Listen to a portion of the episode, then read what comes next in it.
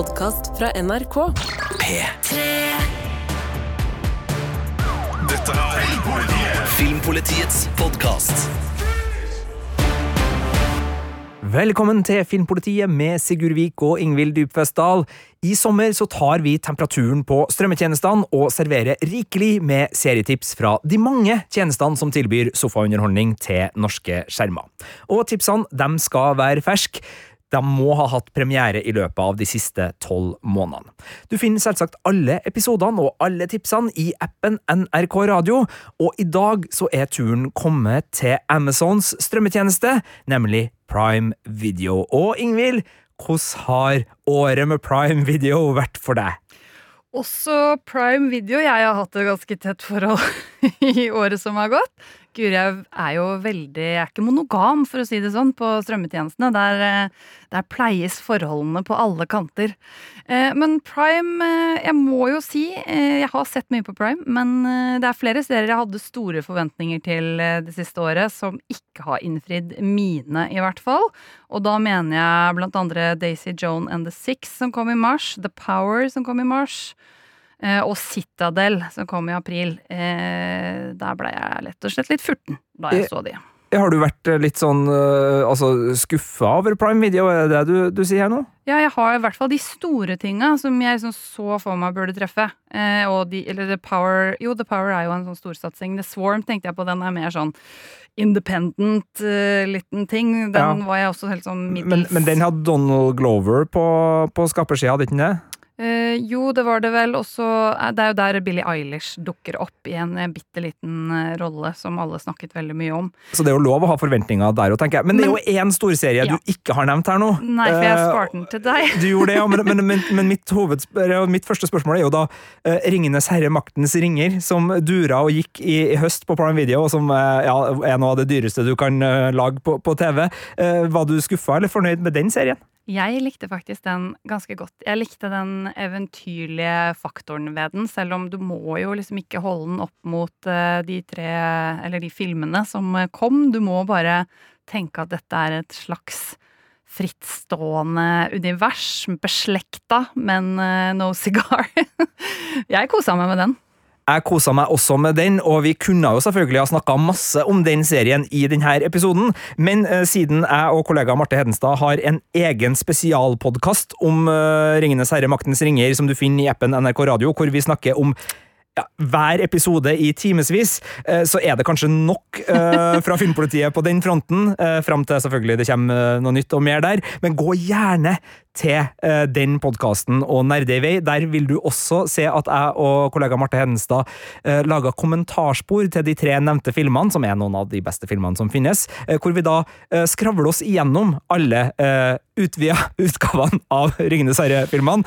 Det kan bli veldig mye for veldig mange, men hvis du er spesielt interessert, så har vi i hvert fall laga det tilbudet, vi i Filmpolitiet. Men det er sånn at Prime Video de har ganske mye, og, og jeg er enig med Det har vært litt skuffende på en del, men det har også vært en del godbiter. Og så er det jo litt sånn pause på en del andre store serier. Altså, de har jo The Boys, som er en av våre absolutte favorittserier, ja, ja. som eh, det ikke kom noe nytt av noen nylig. Nei, og, og der kommer det også en spin-off-serie. Du har Invincible, en animert superheltserie som også har vært veldig god. Det kommer jo mer av uh, Uh, altså uh, uh, nå, nå sto det Jo, The Wheel of Time, en annen fantasy-gigant som vi i Filmpolitiet har. En. Den kommer til høsten. Vi har en egen spesialpodkastserie om den òg, så, så, så, det er noen store titler som Amazon Prime Video, eller Prime Video som de heter, har, som vi ikke har fått fråtsa i fordi ja, vi har satt oss noen regler for når seriene skal ha kommet ut, og det de siste tolv månedene, og der har det vært litt fattigere, da, med unntak av selvfølgelig uh, det som jeg tror er verdens dyreste TV-serie, uh, Ringenes herre, Maktens ringer. Den var omtalt som det Den var det, men, men, det er jo eh, vanskelig å vite. De hadde jo noen oppfølgersesonger også. Jack Ryan sesong tre kom i desember, Hunter sesong to kom i januar, Star Trek Picard sesong tre i februar. Så, og Marvelous Mrs. Maisel sesong fem i april. Siste. Ja, og, og, den har jo Birger Vestmo, vår kjære kollega, uh, skrytt av. Mm. Uh, jeg har ikke sett så langt at jeg kan ha med den i denne podkasten, men uh, Den er god. Varmt anbefalt av Birger. Varmt anbefalt av Birger Vestmo, så den kan være med som et sånt bonustips. da. Uh, sjekk ut Marvelous Mrs. Maisel uh, på Prime Video. Den har også noen anmeldelser på Filmpolitiets nettsider. Uh, p3.no filmpolitiet. Ikke av siste sesong, men av tidligere sesonger, så da får du vite sånn cirka hva det går i der hvis du er nysgjerrig. Men vi må komme i gang med tipsene. Du skal få fire ferske serietips fra Prime Video nå. Og um, Ingvild, du skal få start, og jeg må ærlig innrømme, jeg hadde ikke hørt om den serien du nå skal tipse om, før du for veldig få minutter siden uh, sa det er den jeg har lyst til å tipse om først. Hvor skal vi reise? Vi skal helt til Tasmania i Australia. Altså en liten øy utenfor eh, Australia. Eh, og denne her kom i april. Jeg så den nylig. Det er derfor den har smøget seg inn i senere tid. Eh, og det er en ganske tøysete serie, må jeg også si. Så denne her er mye mer på sånn sommerens eh, easy breezy-kvote. Mer enn at jeg syns dette er liksom en tung priskandidat. Det er altså lettsvelgelig tøys. Eh, det er en komedie som har kledd seg ut som en krim. Eh, den, eh, den er beskrevet som, hold deg fast, en feministisk noir-komedie mot en landlig bakgrunn med stigende drapstall. Ja, og, og uttalen på, på navnet må du, du må være litt uh, god her nå. Nei, jeg er ganske sikker på det. De sier jo deadlock da, i Australia, men det er vel som en loch, sånn skotsk loch. Og da vil du uttale det på Deadlock. Nei, nå, å, nå hadde jeg håpa jeg skulle få din beste Sean Connery-aksent Nei, jeg kan jo ikke det! Ett forsøk, da. Deadlock. Takk skal du ha. Det er ingen som sier det i serien, heldigvis. Eh, ja, så vi befinner oss altså i denne lille byen på Tasmania. Den har 2000 innbyggere, og eh, uforholdsmessig stor del av disse er lesbiske, noe som blir gjort til et poeng eh, gjennom serien også. Kate Box spiller etterforsker eh, Dolls Collins, som har flytta til denne søvnige byen for å dyrke forholdet til kjæresten Kath, som bare kaller henne sexy. Det kan bli noen flaue episoder på, på jobben når eh, du alltid blir kalt sexy. Men det er lov eh, kjæresteforhold. Eh, så hun skal også ha et litt sånn rolig, du vet, rydde opp i gata, fjerne noen tagging på skolen, sånne ting. Men så kommer, dukker det opp et lik på stranda. Og da blir jo Dolls trukket mer og mer inn i jobben. Og så i tillegg ankommer det en skikkelig brautende cowboy av en etterforsker fra Perth som heter Eddie. Og hun er en kvinne, hvis du skulle være i tvil. Eh, og hun er den mest irriterende rollefiguren i serien. Altså, hun er så brautende og bruker den breie australske slangen. eh, Er veldig grov og trekker altfor raske konklusjoner. Eh, Etter hvert så får vi heldigvis se litt flere nyanser av denne rollefiguren. Altså, hold litt ut eh, hvis du syns det blir mye i første dosering. Eh, I tillegg til dette så har Deadlock også en pågående festival. Altså det er en festival, men de har masse matgreier, derfor så kaller de det en feast. Eh, og denne vil jo borgermesteren gjerne at skal gjennomføres. Det her er, kan jo være litt sånn haisommerparalleller, ikke sant. Det skjer forferdelige ting, men de politiske kreftene vil at eh, vi skal beholde turistattraksjoner og det som kommer av folk til denne knøttlille byen. Ja, Så hun vil gjerne at det skal gjennomføres, selv om likene fortsetter å liksom paile seg opp på stranda. I tillegg så er det et element med at eh, byen har sin egen Frøya, som kanskje noen husker at Oslo ble hjemsøkt av. Var det i fjor sommer, eller for noen somre siden? Var det Hvalrossen, Frøya? Ja, øh, og dette er altså Gavin. Han er sel eller hvalross. Litt usikker. Det er ikke der de har lagt inn mest penger på gode mm, hva skal vi si, øh, roboteffekter. Eh, det er et litt ubestemmelig sjødyr. Eh, men som på et tidspunkt er blant de mistenkte. Og jeg starta å se på denne mye fordi det skal sies at jeg er veldig glad i australske serier. Jeg har bodd der i fem år og syns liksom det er veldig sjarmerende med den uh, aksenten. Eh, Blir du irritert hvis liksom kunnskapen til andre serietittere stopper på Home and Away når du snakker om australske serier? Altså, har du noe, merker du liksom at kunnskapsnivået om australske serier generelt i, i Norge er litt lavt, eller eh, er det et skuldertrekk for deg? Eh, nei, det gjør meg absolutt ingenting. Det er jo helt naturlig. Akkurat som hvor mange svenske serier kan vi navnet på som ikke har gått på NRK, liksom. Det er jo helt naturlig at man ikke får det med seg hvis ikke det satses på internasjonalt. Så det har jeg ingen fordommer mot. Eh, men når jeg starta på å se på den, så tenkte jeg at den er litt eh, for overdreven. Men så ble jeg faktisk engasjert da i dette drapsmysteriet, og nå må jeg se den ferdig. Selv om det her er jo ikke først og fremst et drapsmysterium, det er jo først og fremst en komedie. Men jeg lurer på hva som egentlig har skjedd med disse likene. Så om litt sånn brautende australsk lesbisk noir blanda med fliring av fordommer og en dash av drapsmysteriet er din greie, så er Deadlock noe for deg. Deadlock kan absolutt være noe for mange, og et godt og eh, relativt, eh, jeg vil si, eh, dedikert serietips der, fordi eh, det er jo lett å tipse om de opplagte titlene. Jeg liker at du har eh, gjort researchen ordentlig her, tatt TV-tittinga på alvor, også på fritida, for det her er jo ikke noe du har anmeldt eh, for Filmpolitiet, så her har du brukt av din verdifulle private sofatid, dykka ned i Prime Video, strømma rundt og funnet uh, Deadlock, så veldig bra innsats der. Uh, og da skal jo jeg eh, svare på den med å ta fram en serie jeg allerede har snakka varmt om på Filmpolitiet, i hvert fall på radio flere ganger i år, så jeg har ikke vært like dedikert uh, fritidsbruker. Men krimserien Three Pines Ja, krimserie tipses fra Sigurd Vik her.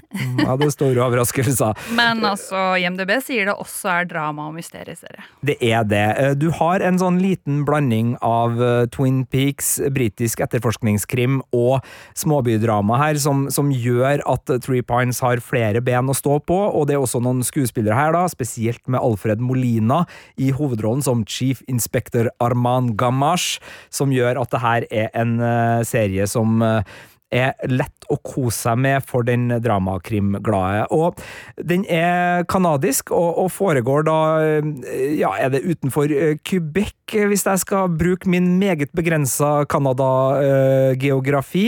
Eh, jeg tror Gamache er tilknytta Quebec-politiet, men han blir hele tida dratt mot den her lille, søvnige småbyen eh, Three Pines, hvor det skjer ting stadig vekk episodene er delt opp i to og to, sånn at uh, krimmysteriene løses uh, relativt uh, kjapt. og det er åtte episoder totalt i sesong én, så du har da fire varierte krimmysterier som opptar politigruppa sånn steg for steg. Og så er det også en sak som ligger under alle episodene, hvor forsvinning av unge kvinner fra nordamerikansk urbefolkning ligger som en rød tråd, og, og der er det én sak da som trigger det, men den tematiseres uh, større og går også inn i småbylivet og i de andre sakene og i samtalene og så videre og så videre, og det gjør jo at serien der har en dramaseriekvalitet som er veldig god, og som tar oss med inn i rollegalleriet på en veldig fin eh, måte. Altså ikke at handlinga handler om fine ting, men altså det, du blir ekte berørt da, av serien der, samtidig som de små krimsakene sørger for at det hele tida også er eh, krimgleder i det man etterforsker de her mindre eh, forbrytelsene, som ikke er små, altså her er det jo drapsetterforskninga, ja. men, men altså, mindre i omfang, altså at de er raskere oppklart. Uh, Alfred Molina er en skuespiller jeg er veldig glad i, og her gjør han en hovedrolle som uh, gir både stor medmenneskelighet og et overnaturlig drag til det hele, for det er jo her den Twin Peaks-biten kommer inn.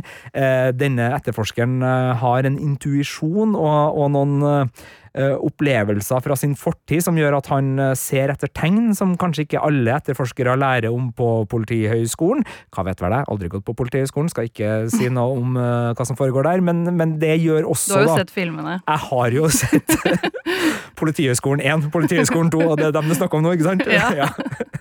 Et lite blast from the American past der på filmfronten. Politiskolen 1-7 anbefaler selvfølgelig også. Oppdrag Moskva var den siste, sjuende.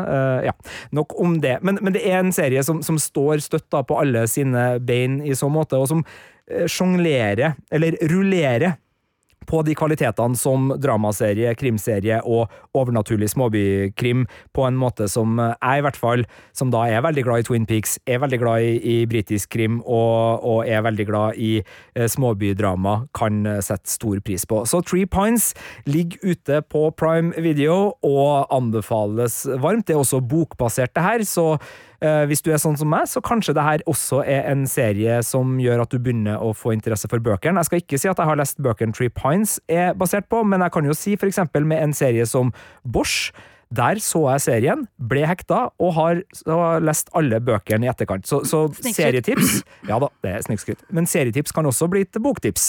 Eh, Så det er jo eh, det fine med det her. Eh, Du skal ut med neste tips fra Prime Video, en serie jeg også er veldig glad i, for jeg så og anmeldte den til terningkast seks, nei, fem da den kom i november i fjor. Western, Ingvild? Det stemmer, og jeg så, fant nylig ut at den har fått den norske tittelen Englenderne. Som jeg vil si er det minst fengende tittelen jeg har hørt på en stund. Ok, bare en liten pause her. Vi må snakke om noe. Oversettelse på strømmetjenester Ja. er rare greier. Altså, Det er helt greit at filmer og serier får norske titler, og ofte, sånn som det var tidligere i tider, når ting skulle på kino, så var det kanskje litt grundig arbeid som gikk inn i det, og kanskje ikke, fordi Spinal Tap heter jo Hjelp, vi er i popbransjen, Ja. eh, og det er jo en del eh, gode eksempler på norske titler. Det er jo noe titler. som spermet meg. Det er jo en del eksempler på, på norske titler som også uh, før har blitt uh, radbrukt og, og litt rar. Men det som skjer nå, er jo at det virker som det er bare noen som bare Ja. oversetter litt sånn Det virker så lemfeldig. tilfeldig, ja. Ja, Mm. og det er jo riktig å kalle den englenderne, men Er det et ord noen noensinne har brukt de siste 30-40 åra? Jeg vet ikke.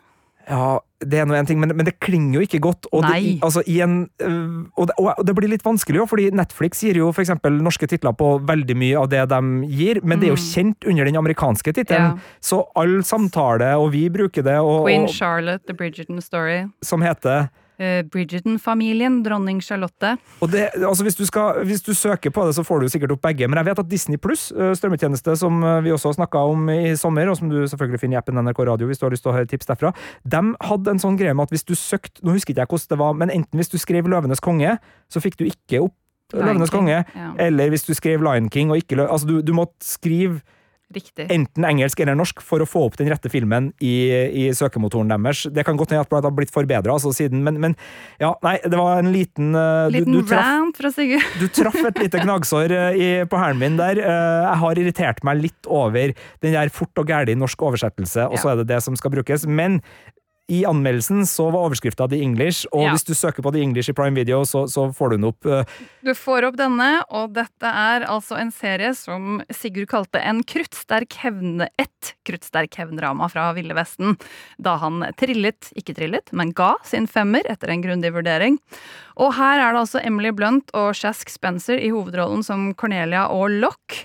Eh, Vi befinner oss i 1890, i hvert fall i deler av eh, serien. Eh, Hun er en britisk aristokrat som oppsøker en så vidt etablert by i Kansas. Han er en blant urbefolkningen som har tjent i hæren under borgerkrigen, blir det vel, men fremdeles ikke unnslipper rasisme og fordommer. Eh, Og hun er der for å finne mannen hun mener er skyld i sønnens død, og han blir motvillig på spesielt vis dratt inn i hennes hevntokt. Og de er selvfølgelig et umake par, eh, men så finner de på veien ut at de har eh, mer til felles enn først antatt. Eh, Og oppi det hele så er jo dette en eh, sterk western med vakre prærielandskap, og alle de typene vi så i eksempel Deadwood, som er en serie jeg vet vi begge også liker. Det er terningkast seks-serie, ja. Så The English er brutal, eh, men den har også humor, og de her hemmelighetene som avdekkes litt etter litt, da det lettes liksom litt på slør og litt mer. Og de er sånn hjerterå og gir en ekstra dybde til denne på mange måter ellers tradisjonelle westernserien. Men eh, når samspillet da mellom Blunt og Spencer i tillegg svinger, så syns jeg The English står støtt som et av høydepunktene på strømmetjenestene de siste året. For meg, da, i hvert fall.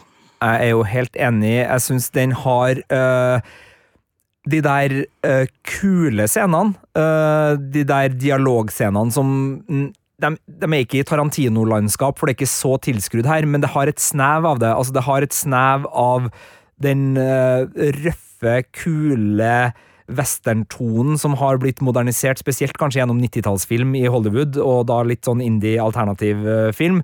Så, så jeg syns den har øh, den oppriktigheten og ærligheten, og du nevnte altså den brutaliteten som ligger i altså Det her er ikke noe glossy Nei. versjon av øh, Ville Vesten. Her tas det oppgjør med tilblivelsesmyter USA gjennom Hollywood har øh, mala på i, i veldig mange år, og, og de smadres med, med helt sånn uh, ujålete og uforbeholden kraft. Altså og, og, også uh, det britiske får jo en, en liten kilevink her, og, og, det er noen oppgjør uh, mellom da, spesielt Emily Blunt og et par av de hun møter på veien, som er kostelig. Altså, de er Ja. artig fordi overraskelsene i samspillet gjør at man sitter og tenker Oi!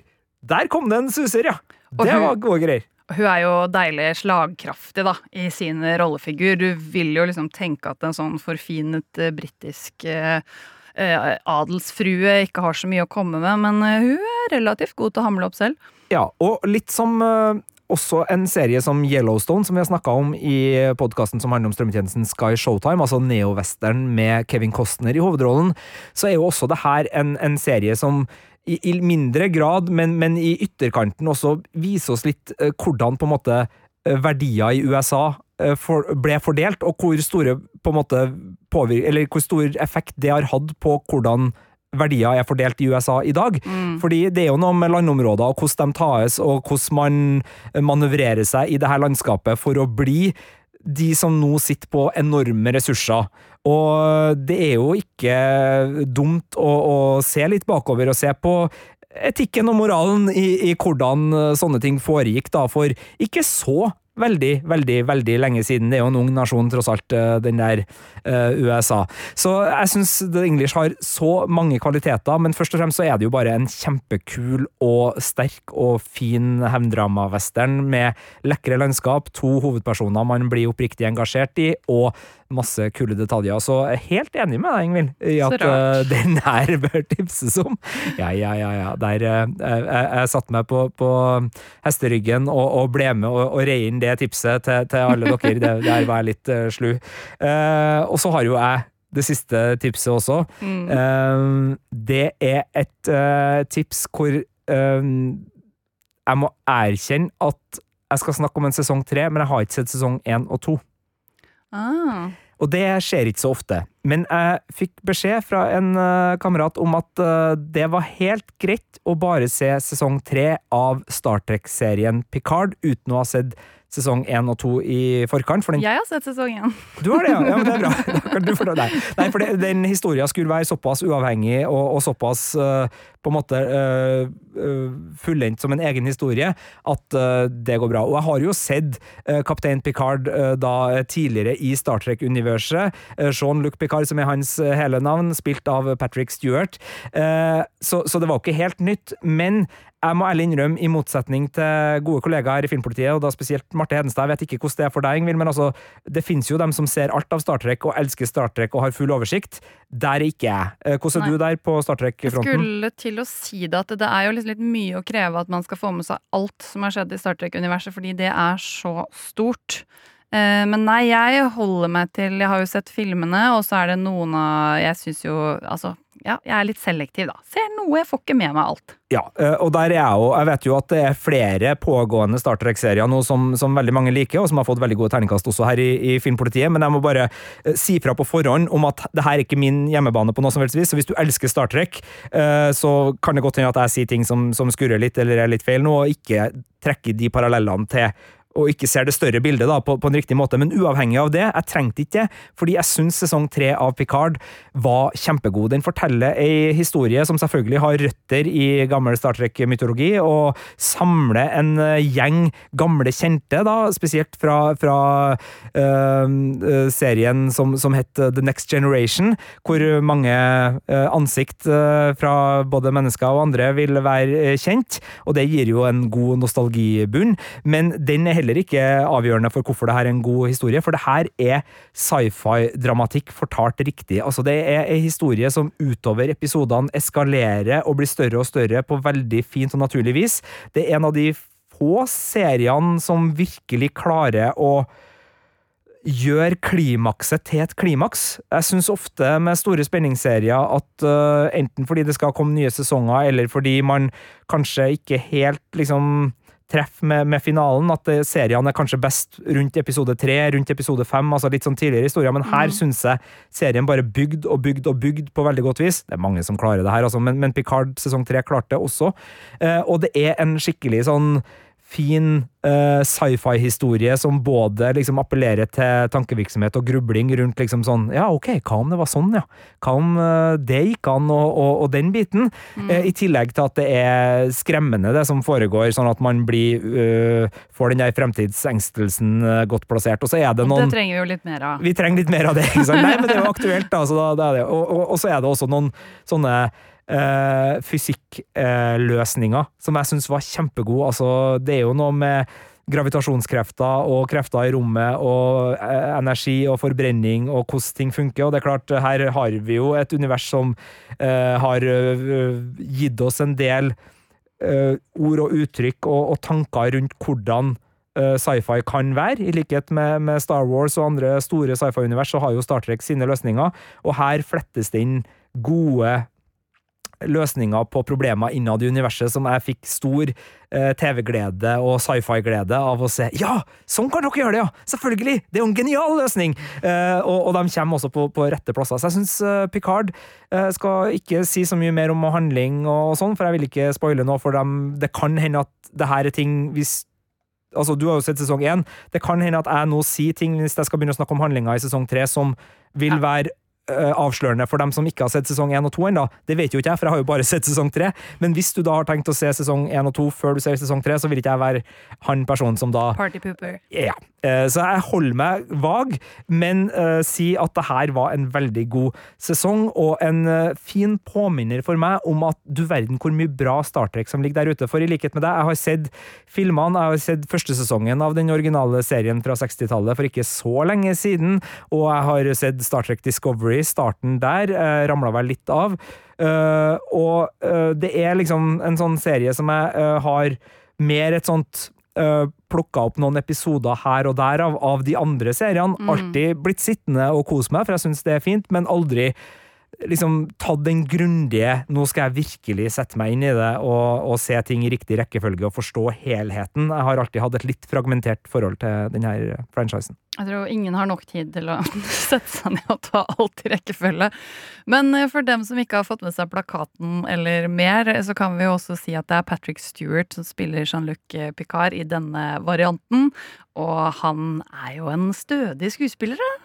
Han er det. Trygg kaptein. veldig fin, og enten du er i X-Men-universet eller i Star Trek-universet, så er Picard da i Eller altså, så, så er John Patrick Stewart helt eh, nydelig. Han, han har jo den der sammen med Ian McKellen, da, kanskje, som er den andre som eh, Ikke så rart, i og med at de spiller sammen i, i X-Men-universet, men, men de to har liksom den der teaterbravuren Ja. med seg inn i ganske lekende fiksjonsunivers, enten det er i Marvel sitt X-Men-univers, det er i Ringenes herre-filmunivers, eller det er i Star Trek.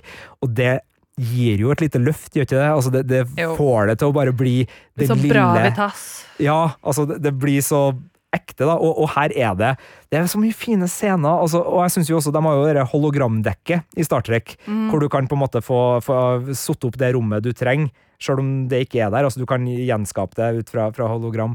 Eh, og eh, der er det et, et, en gjennomgående eh, sånn eh, lun bar-setting eh, i denne sesongen. Uh, såpass kan jeg avsløre, som også gjør at uh, oss som, som liker den heng på bar og, og snakk om følelsene dine-vibben, får, Kan du for, få det i outer space? ja, du kan få det i outer space. Så, nei, og, og skipene òg, det, det er så, altså, de er jo egne figurer, disse, disse romskipene i Star Trek-universet, og her får man jo gjensyn med, med gamle favoritter og blir kjent på, på nye vis med, med det man har. Så nei, mange gleder i Picard sesong tre, og så bør vel jeg da se sesong én og to, sikkert, bør ikke jeg det? I hvert fall én, da, hvis du har sett den. Ja. Sette det i køen, vet du, sammen med alt det andre. Ja, og, og det er jo viktig å, å minne alle på når vi driver og skravler om serier som om det er noe du må se. Du må jo ikke det. Du velger jo sjøl hva du har lyst til å se, og så plukker du, og det er ingen skam i å drite i sjøl de varmeste anbefalingene fra Filmpolitiet. For det er din seriesmak som betyr noe. Vi bare prøver å si fra om at her er det mye artig. Hvis du liker det, så kanskje det her er noe for deg. Sånn at optimal sofaunderholdning kan oppnås. Det er jo det vi, vi sikter på. Eh, men uh, ha aldri dårlig seriesamvittighet. Det er noe herk, eh, sjøl om jeg av og til er skyldig i å ha det. Uh, så, så er altså Spesielt på sommeren så er det snakk om å, å finne de du virkelig vil ha, ikke de de føler at du burde ha sett. Mm, Er ikke vi enige i det, Ingvild? helt enig. Helt enig. Det var tipsene fra Prime Video, og hvis du roter rundt i den skattkista som er appen NRK Radio, så finner du også andre episoder om andre strømmetjenester med ferske strømmetips der, for vi har strømma rundt i den verdenen hele sommeren og skal fortsette å gjøre det, så bare kos deg med seriesommeren og podkastsommeren hvis du skulle få lyst til å høre på flere. Heia fotball! Halla! Tete Lidbom kommer innom her. For om sommeren har du fri, og forskning viser at da er det digg med noen ordentlig lange pratepodkaster. Der kommer Heia Fotball sitt rikholdige arkiv inn på banen. I sommer så anbefaler jeg deg å høre lange, unike Heia Fotball-intervjuer med legender som Nils Arne Eggen, Karen Espelund, Dan Børge Akerø, Arne Skeie, Karoline Graham Hansen, Erik Mykland, Steffen Iversen, Egil Drillo Olsen, Jo Nesbø, Anders Basmo, Hege Riise, Sif Kalve, Dag Solstad, og jeg kunne fortsatt i det uendelige. Bruk gjerne late sommertimer på arkivet til Heia Fotball. Heia Fotball! Hør Heia fotball i appen NRK Radio.